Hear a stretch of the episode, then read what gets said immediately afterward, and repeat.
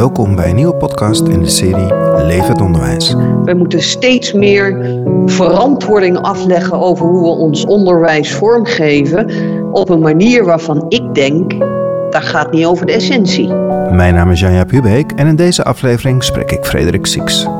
Want wat mij fascineerde in dat onderzoek, of in, in dit thema, was als ik naar de literatuur kijk, heel veel overtuigend onderzoek dat zegt vertrouwen leidt tot betere prestaties, hogere welvaart, eh, meer innovatie, beter omgaan met risico's.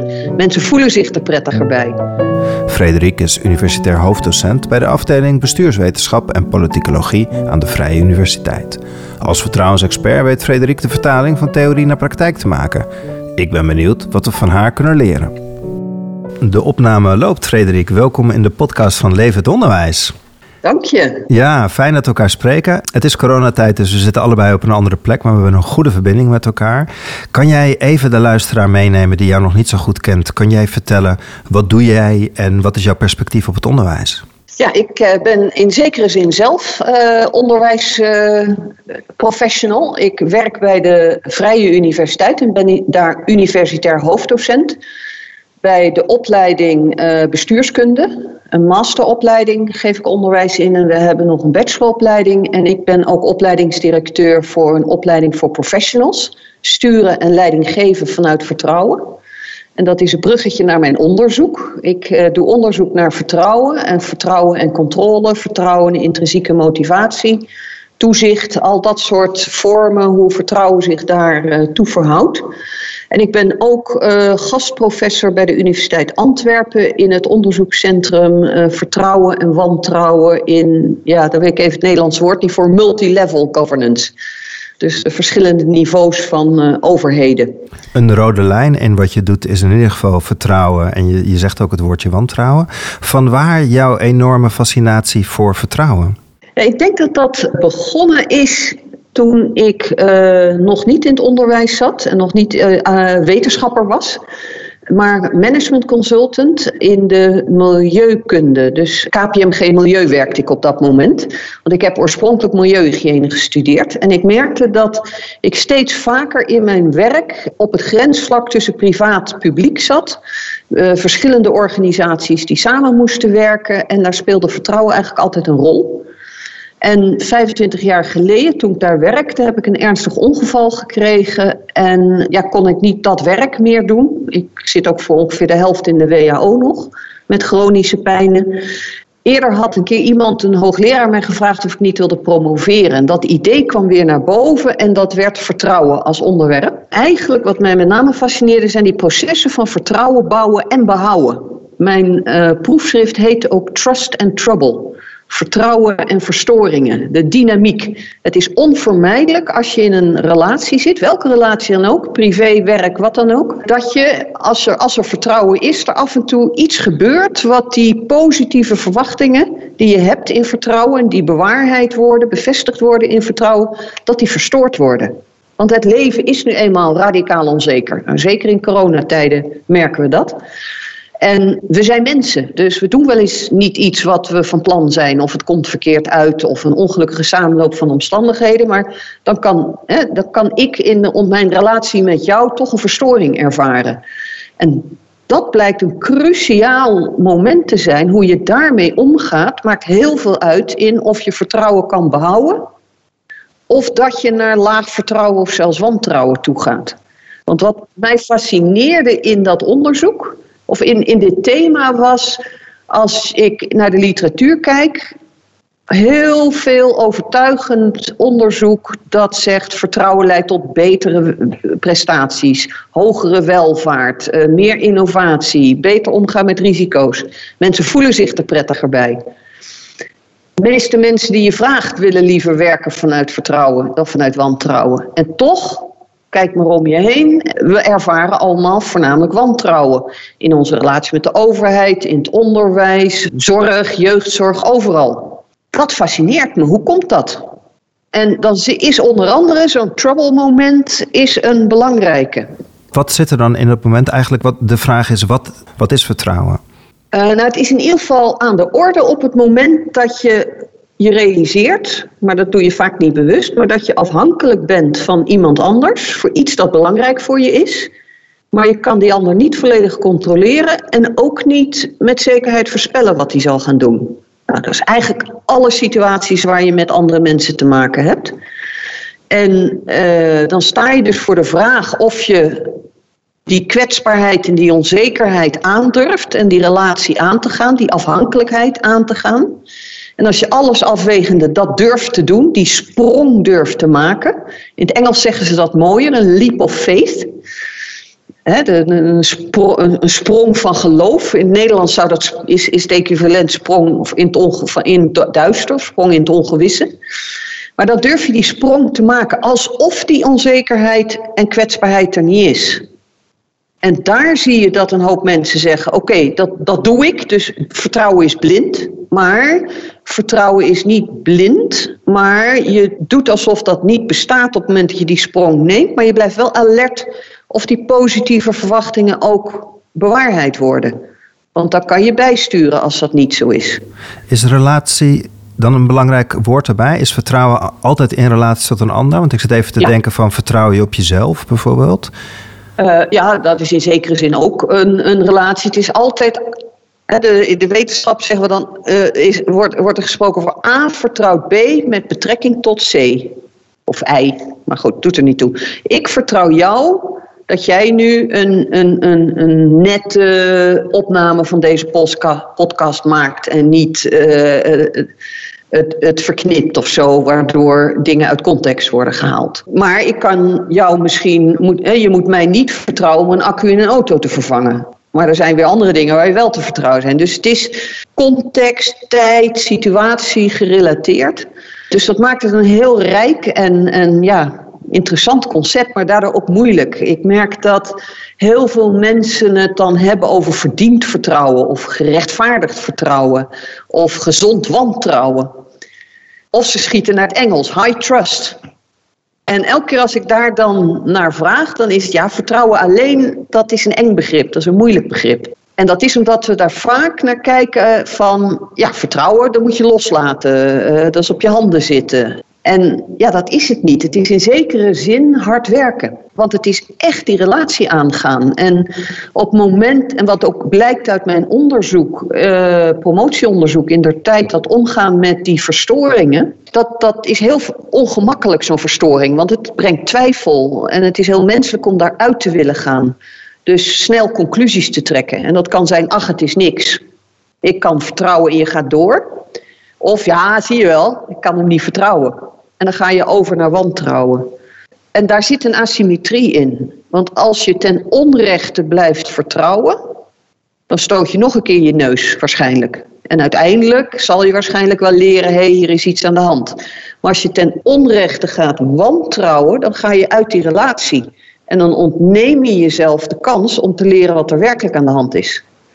Als het je lukt, en dat lukt misschien niet altijd, er zitten soms te veel emoties in, dat niet direct lukt, maar als het je uiteindelijk lukt om je oordeel op te schorten, zoals in een dialoog, en de ander te vragen uh, waarom deed je wat je deed, want dat had dit effect op mij, dus echt open en niet oordelend, en die ander kan erop constructief op reageren, dan biedt zo'n verstoring een kans om elkaar beter te leren kennen. En beter te weten wat je aan elkaar hebt. En dus je vertrouwen in elkaar te kunnen verdiepen. En dat bleek ook bij een van de organisaties waar ik onderzoek deed. Die waren heel erg op die relaties gericht en hoe je met elkaar omgaat. En daar bleken zware verstoringen heel vaak tot hoger vertrouwen te leiden. Omdat ze dat goede gesprek konden aangaan, die dialoog aan konden gaan. En ja, daardoor leer je, en dat is een, aan, is een verstoring, een aanleiding om elkaar eens goed in de ogen te kijken en uh, ja, beter te weten wat je aan elkaar hebt. Want een verstoring kan gewoon ongelukkig samenloop van omstandigheden zijn. Het uh, kan een misverstand zijn, ook heel vaak het geval. Uh, het kan een foutje zijn.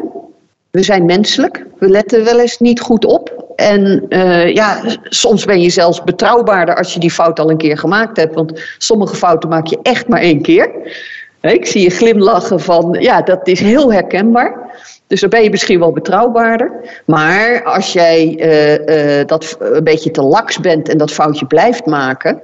En ik heb daar echt last van. Ja, dan kan, kan dat aanleiding op een goed moment zijn dat ik je op dat punt niet meer kan vertrouwen. Omdat jij het niet belangrijk genoeg vindt om rekening met mij te houden en mijn belangen.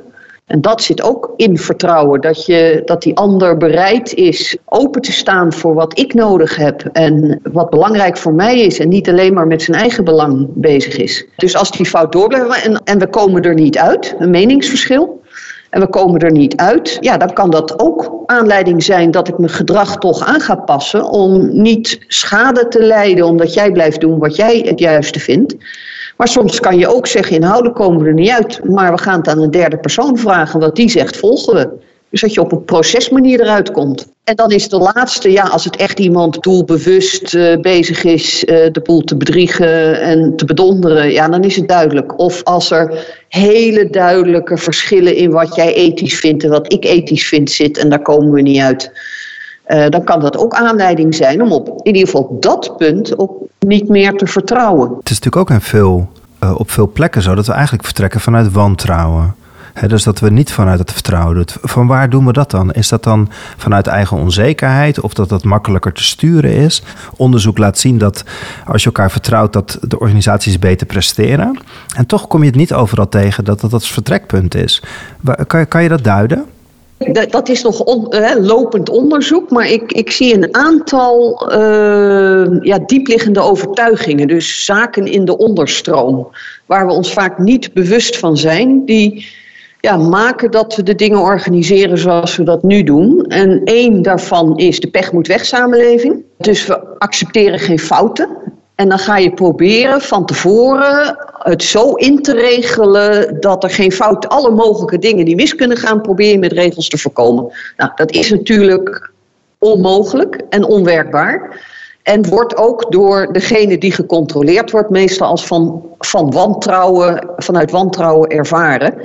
En ja, dat, dat is eigenlijk te koppelen aan de verlichting, het verlichtingsdenken. Hè, dat het, uh, het machine-denken van we kunnen alles van tevoren oplossen. Als we maar slim genoeg zijn en genoeg informatie hebben.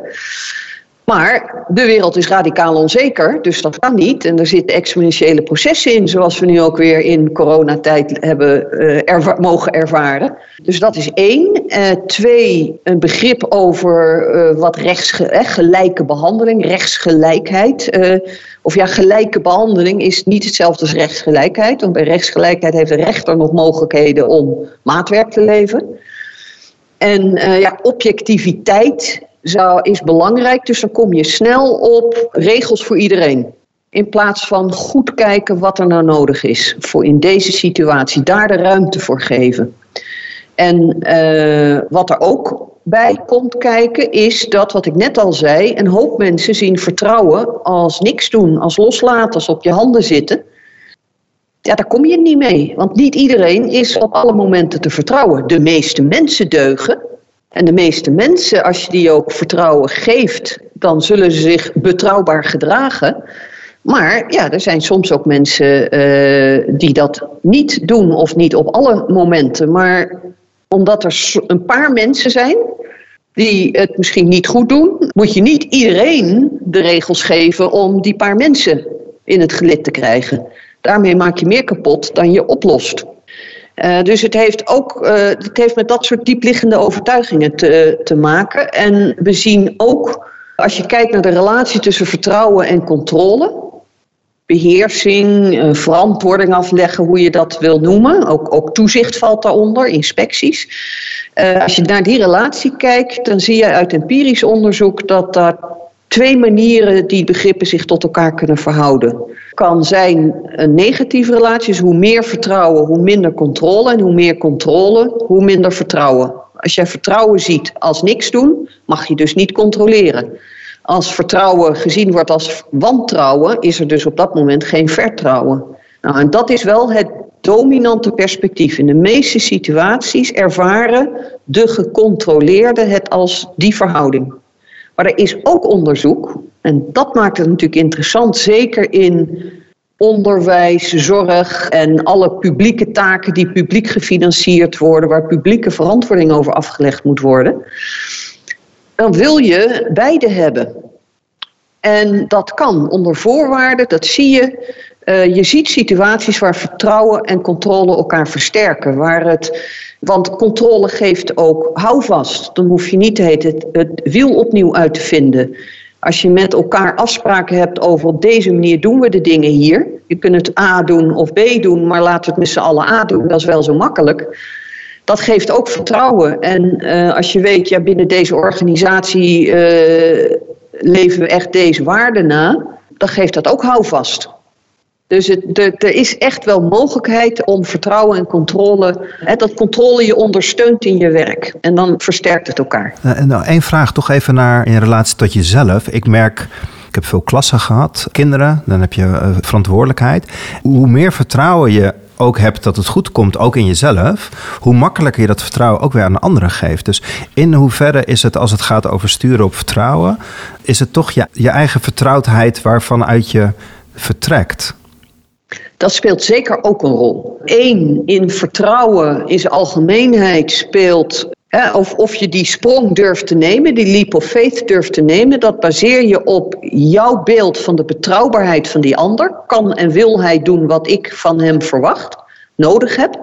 Maar ook jouw basisvertrouwen of basiswantrouwen. Hoe makkelijk vertrouw jij, hoe makkelijk wantrouw je? De psychologen zijn het er niet helemaal over eens, maar er lijkt toch wel een meerderheid te zijn dat het in hoge mate uh, in de eerste anderhalf jaar van een menselijk leven ontstaat. Dus de hechtingsperiode ook. Dat is één ding, dus gewoon de basishouding. Maar ook zit jij lekker in je vel of niet? Heb jij vertrouwen dat de taak waar jij voor staat en waar jij die ander voor nodig hebt, dat jij die aan kan? Dat maakt zeker ook uit. Ja, ik, ik, ik ben, wat ik net zei, ik heb van, voor, van origine milieuhygiëne gestudeerd. Dus ik ben ingenieur en ik uh, kan heerlijk rationeel, rechtlijnig denken. En was in het begin zeker niet al te makkelijk in dat soms best lastige gesprek bij een verstoring. Maar ik heb zo, en was deinste daar ook voor terug. Hè, want het zo'n zo moeilijk gesprek voeren, dat doe je liever niet. Dat stel je vaak uit.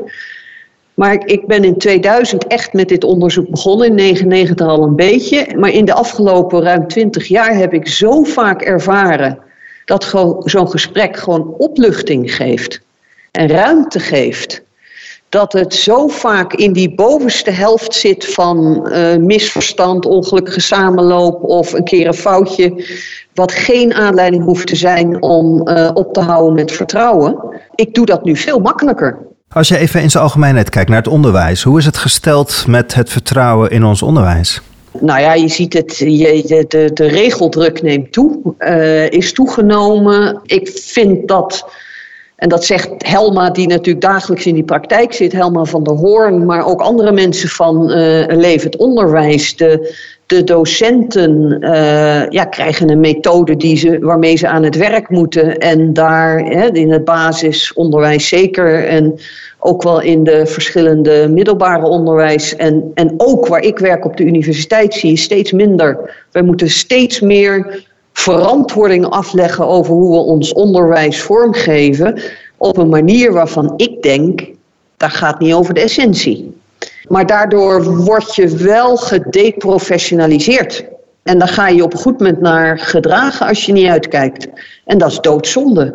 Ik, ik ben een, echt een, een heel blij dat levend onderwijs als beweging uh, langs deze dat manifest, de principes uit het manifest, uh, nu bezig is om, om uh, verandering aan te brengen in het onderwijs vanuit de professional. Want daar is in die relatie, relatie uh, leer, leraar of wie dan ook, in die directe relatie met de leerling, daar vindt het onderwijs plaats. Daar maak je het verschil. En dan ben ik wel benieuwd, want je, je doet er onderzoek naar, je bent er ook dagelijks mee bezig met dat vertrouwen. Maar je stapt eigenlijk in op zo'n beweging van levend onderwijs die zegt we moeten van controle naar vertrouwen. Waarom neem je ook nog een keer die stap om je aan te sluiten bij, bij die beweging? Ik, ja, ik zie het echt als mijn missie om ook uh, die verbinding naar de praktijk te maken. En mijn, hè, de, de onderzoeksideeën die soms ver afstaan van uh, de praktijk om die naar de praktijk te brengen en daar te toetsen op een meer praktijkgerichte manier. Uh, maar ik krijg er energie van. Ja, het gaat ook, op deze manier hoop ik ook een, een bijdrage aan de maatschappij te leveren in die rol.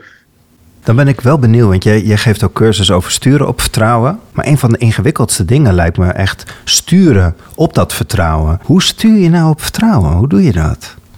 Ja, nou als ik met Jos de, in, een, in, een, in een zaal waar Jos de Blok ook zit, mij voorstel en zeg mijn onderwerpen sturen vanuit vertrouwen, dan zei hij nee, dat, je moet niet sturen. er is zeker een rol voor een bestuurder en een leidinggevende in zo'n proces.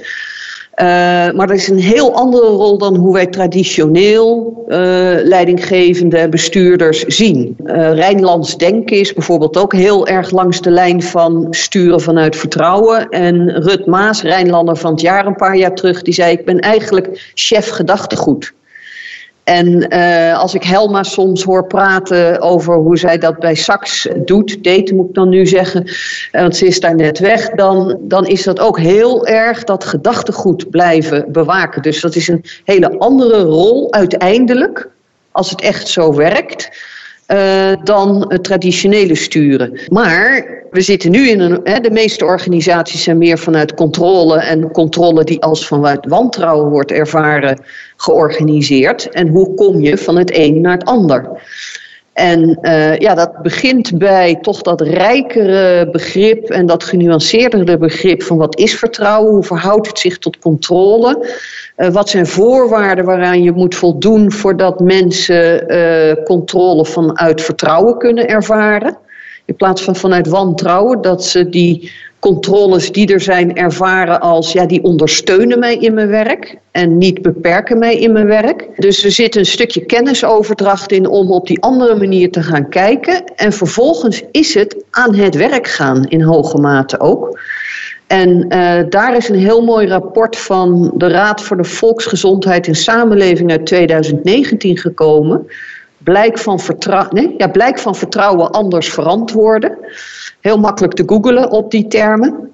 En die zeggen in essentie heel erg hetzelfde wat ik zeg. Wat ik net gezegd heb over een aantal diepliggende overtuigingen, reflexen en hoe we kijken naar organiseren.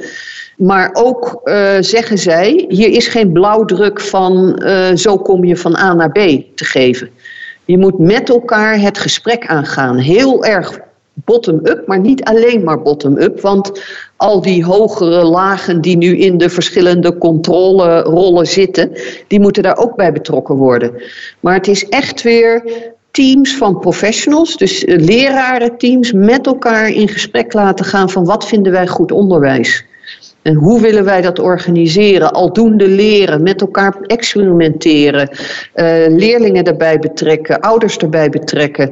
Daar zit een rol voor een schooldirecteur bij, er zit een rol voor een bestuurder bij. Uh, maar het begint echt bij teams van professionals. En die permanent helpen in hun professionaliseren, het leren, het moeilijke casussen bespreken, het reflecteren met elkaar.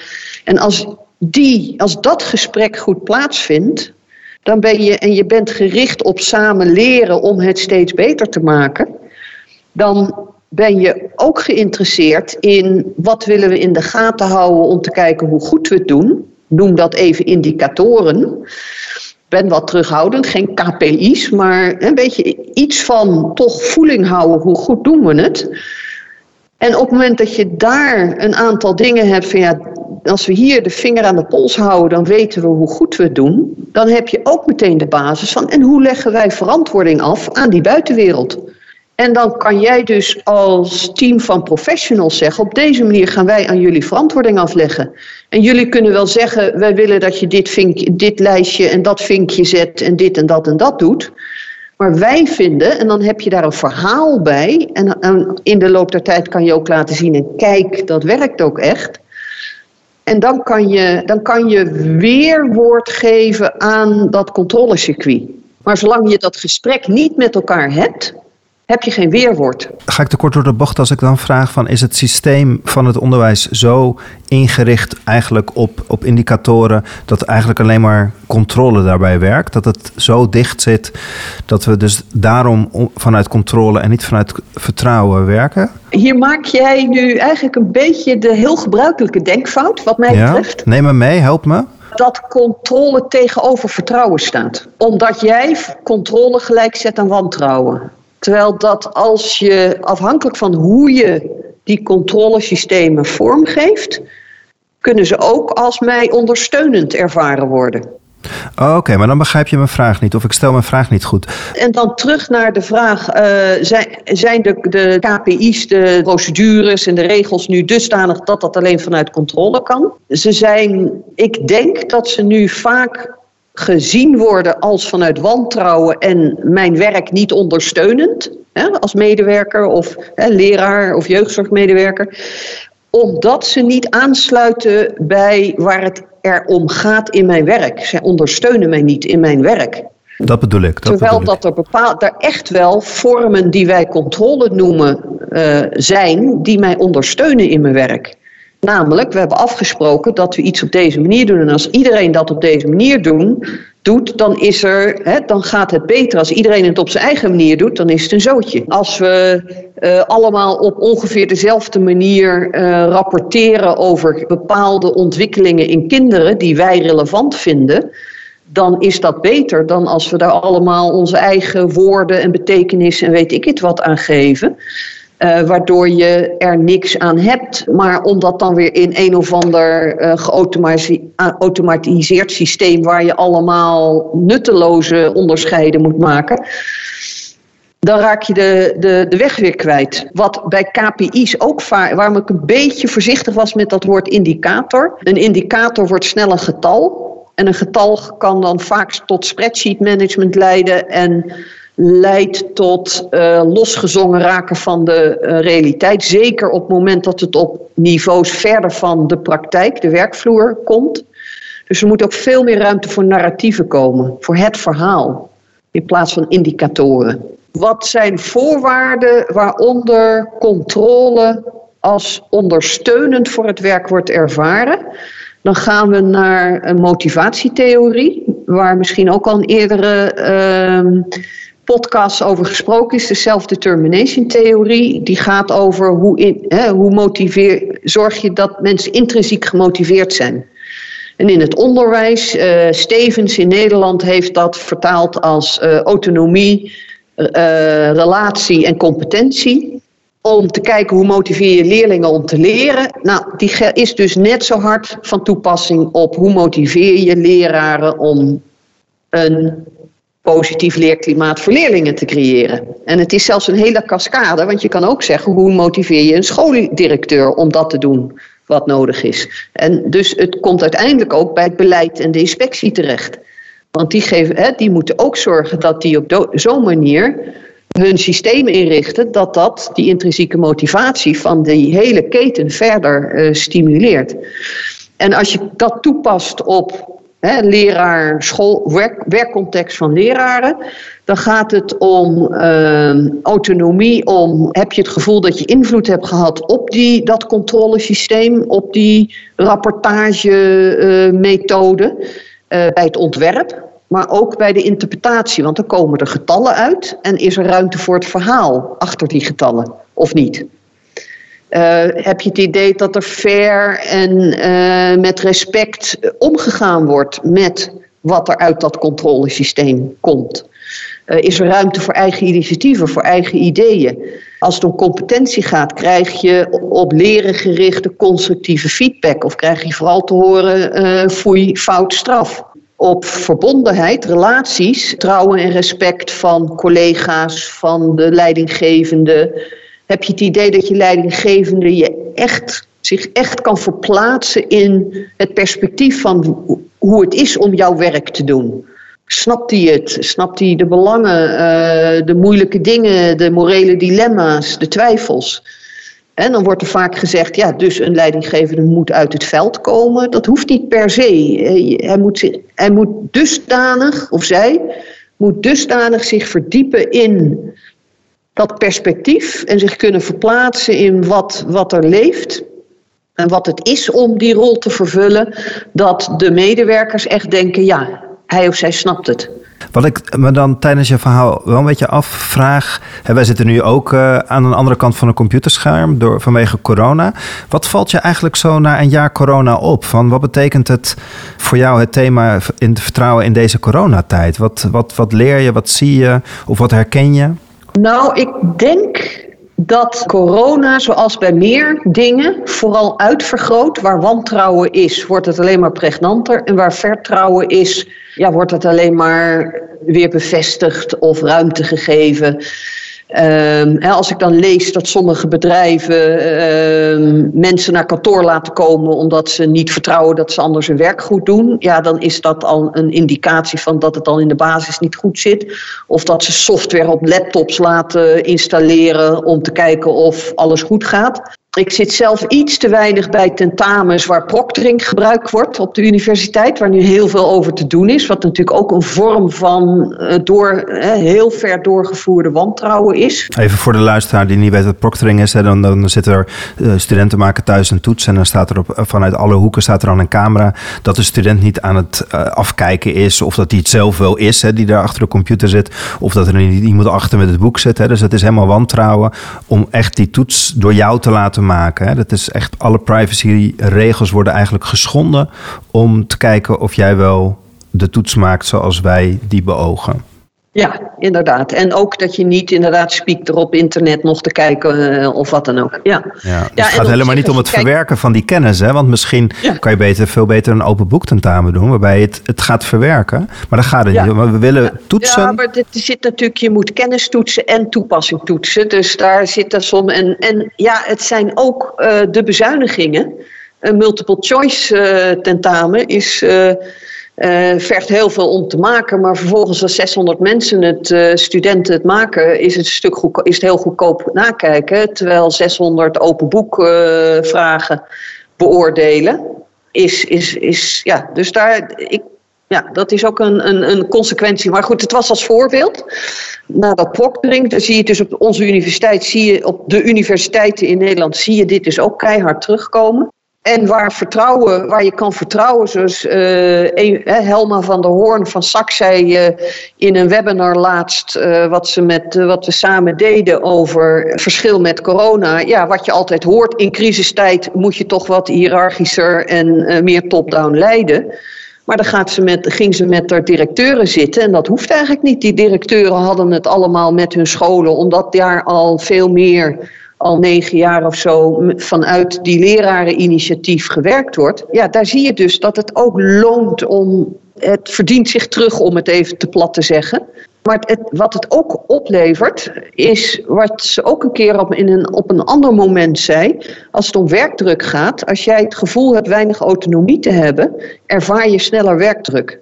Dus je hebt objectieve werkdruk. Hè, zijn inderdaad het aantal uren dat we moeten werken toegenomen. Als ik naar de universiteit kijk bij ons, zie je gewoon dat je minder uren krijgt om hetzelfde vak te geven. En dat is echt drastisch gegaan in de afgelopen tien jaar. Maar ook de subjectieve werkdruk en dat ligt heel erg aan, heb je het gevoel aan die intrinsieke motivatie en die drie factoren die we net noemden. Heb je het gevoel dat je autonomie hebt, dat je erkend wordt in je competenties en die kan ontwikkelen. Uh, voel je je gesteund en ondersteund door de mensen om je heen. En ja, op het moment dat je dus ook daarmee aan de slag gaat, heb je lager ziekteverzuim, uh, heb je minder ervaren werkdruk, binnen grenzen. Dus het, het is, ja, er is geen reden om het niet te doen, zou je eigenlijk kunnen zeggen. Ik vind hem spannend om te zeggen. Als, als we even naar het beleid kijken. We zijn begonnen natuurlijk met een uh, intelligente lockdown. Ik weet nog dat Rutte dat uitsprak op de landelijke televisie. Dat ik dacht van, hé, hey, we vertrekken vanuit vertrouwen. Dat is mooi. Toen zijn we naar een harde lockdown. En we zitten nu met een avondklok. Uh, is dit een, uh, een klassieke fout in vertrouwen... die we in het landelijk beleid terugzien? Vind ik te ingewikkeld om dat echt zo te zeggen. Wat je ziet, ik heb wel in mijn aanstelling in Antwerpen hebben we met Vlaamse data gekeken naar vertrouwen in de overheid en naleving en een aantal andere dingen. Dan pak ik een andere motivatietheorie erbij. Wat je zag in die eerste maanden uh, overheerste de angst. En uh, dat is, uh, we hebben drie doelen in het leven. een hedonistisch doel, om het in het hier en nu zo prettig mogelijk te hebben en pijn en angst te vermijden. we hebben een, een, een, winstdoel, een meer calculerend doel om te kijken naar hè, hoe kan ik meer middelen krijgen, meer geld of in ieder geval verlies vermijden. En we hebben een normatief doel. We willen sociaal bij een groep horen en we vinden bepaalde normen, regels uh, en waarden belangrijk. In die eerste maanden van de lockdown overheerste die angst. Dan zag en de straten waren leeg. En dan ga je ook maar thuis blijven. En dan was het eigenlijk zelfs om. Vertrouwen in de overheid was, was niet eens een significante factor op naleving in die eerste maanden. En dat is waarschijnlijk omdat dus uh, de straten zijn leeg, de regels leken redelijk. Uh, de meeste mensen doen het, dus er zit waarschijnlijk wel wat in. En uh, ja, ik heb echt geen idee wat me overkomt. Die angst is eruit gegaan na de zomer, denk ik toch in hoge mate. en dan is het veel meer hoeveel wil ik doe ik het voor anderen. Ja, ja. Dus dat prosociale, dat normen, hè, me, me, dat, dat is veel belangrijker. Dat zagen we eind, in de meting eind juni al, dat dat plotseling een significante factor was op naleving. Het, het, het kost veel meer moeite. Uh, dus dat is het hedon, dat hedonistische doel. En het uh, kost heel veel mensen geld en, en, en, om thuis te blijven, om ja, de, de, de, de onderneming ligt stil of je hebt zelfs geen werk. Dus de, de factoren werken steeds meer tegen. En strikt genomen, als je nu kijkt naar de regels, hebben we een strengere lockdown dan een jaar geleden. Maar de naleving is veel slechter. Als je kijkt naar Google-cijfers van hoeveel mensen er op de weg zitten en andere signalen. Dus ben ik niet, in die zin niet verbaasd dat de besmettingen hoger zijn. Zonder nog even rekening te houden met die besmettelijkere Britse varianten. In het onderwijs zijn wij, zijn wij we werken met kwetsbaar materiaal, we willen het goed doen. We willen ook van toegevoegde waarde zijn. Bestuurders, eh, schoolleiders die luisteren naar deze podcast. Hoe kan je een, een eerste stap nemen of wat kan ik morgen doen om eigenlijk meer vanuit dat vertrouwen te gaan, gaan werken? Kan je mij weghelpen? Uh, het gesprek aangaan met die leraren en interesse tonen. En dat zal in eerste instantie, als je het daarvoor nooit gedaan hebt, zal dat uh, niet meteen uh, per se met open armen ontvangen worden. Want ja, die, die leraren die zijn gewend dat of je hebt de grote afstand, of als jij langskomt de vragen stelt, dan is er iets niet goed. Dus dat doorzetten met dat gesprek, eh, open ingaan, niet oordelend, interesse tonend en uh, ja, stap voor stap hen de ruimte geven. En dat, dat kost tijd. En daar zit dat, dan zal je merken dat misschien sommigen uh, ook zeggen: daar heb ik geen tijd voor. Maar uiteindelijk win je daarvoor. We zijn het gesprek met elkaar voeren als inefficiënt gaan zien in veel, veel opzichten. Terwijl dat wel de essentie is. En in het begin moet je het gesprek leren voeren met elkaar.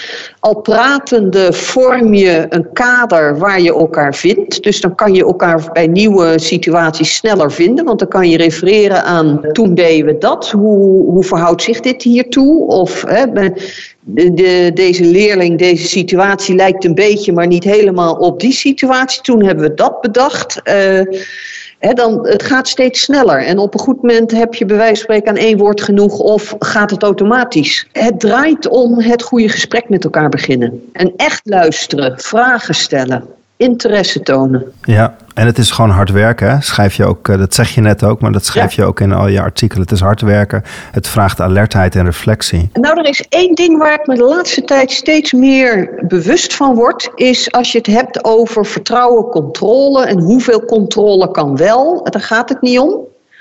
Het gaat niet over welke controle, uh, uh, en ook niet vanuit een bestuurder, welke controle mag ik dan wel doen of niet? Nee. De, de test is of zo'n controle als ondersteunend wordt ervaren, is ervaren de leraren, de systemen als hen ondersteunend in hun werk. Dus echt het omdraaien van perspectief. Dus niet bestuurder ga aan knoppen draaien. Nee, hoe ervaren de mensen het? Om wie het gaat. Dat is echt belangrijk, want dat, ik hoor zo vaak, eh, ja, wat moet ik, uh, hè, hoeveel controle en wat is de balans tussen controle en vertrouwen? Nee, dat is niet hoe je ernaar moet kijken. Nee, en toch komt dan toch weer de vraag van waartoe dient ons onderwijs? Hè? Dat is dan toch ook wel echt de beginvraag die we met elkaar moeten blijven stellen. Ja, absoluut. Daar begint het mee. En, en dus de normerende vraag vervolgens, wanneer doen wij het goed? Wanneer vinden wij dat het goed doen?